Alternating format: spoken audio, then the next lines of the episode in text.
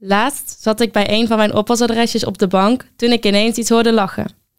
Het was een creepy lachje dat je altijd hoort als moordenaars hun slachtoffer willen gaan vermoorden.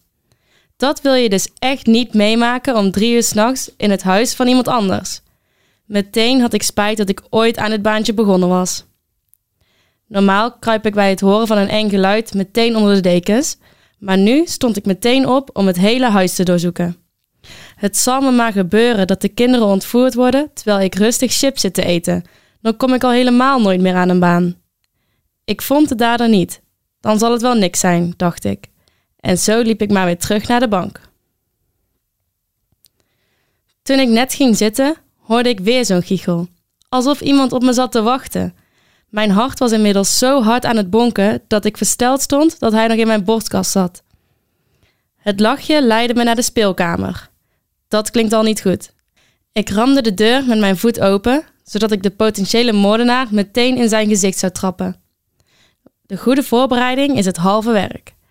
Helaas stond daar niemand. Dit was het moment dat ik dacht dat er geen moordenaar in huis was, maar een geest. Hoewel ik genoeg horrorfilms heb gezien over geestuitdrijvingen, zakte de moed in mijn schoenen. Als zo'n exorcisme fout gaat, kom je nooit meer van die geest af. Ik besloot mijn moeder te appen dat ze per direct hierheen moest komen. Voor het geval dat het toch om een moordenaar ging. Mijn moeder arriveerde al snel en we slopen de speelkamer in. In karatehouding bestudeerden we iedere hoek van de kamer, tot er iets in de kast begon te giechelen.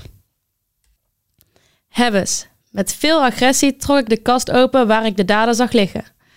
Een lachsmiley van de spaaractie van Albert Heijn, die bij aanraking afgaat. Zelfs na mijn ontslag als kassière weet Albert Heijn me nog achterna te zitten. Meteen weggegooid dat speeltje, al was het mysterie daarmee nog niet opgelost. Nu restte natuurlijk nog de vraag hoe dat ding af kon gaan terwijl het rustig in de kast lag. Tja, oppassen gaat niet alleen over chips en Netflix. Je zit daar in een gigantisch huis met 0,0 zicht op wat er zich verder allemaal afspeelt. Je moet alles in de gaten houden. En terwijl jij in de woonkamer zit te chillen, kan gewoon iemand inbreken via de achterdeur. Natuurlijk gebeurt dat niet vaak, maar even voor de oppassers onder ons. Je gaat me nu niet vertellen dat jij nog nooit een raar of eng geluid hebt gehoord waar je een driedubbele hartaanval van hebt gekregen. Gelukkig kwamen de ouders redelijk snel na het incident thuis, zodat ik weg kon rennen. En ik heb nooit meer een voet in dat huis gezet.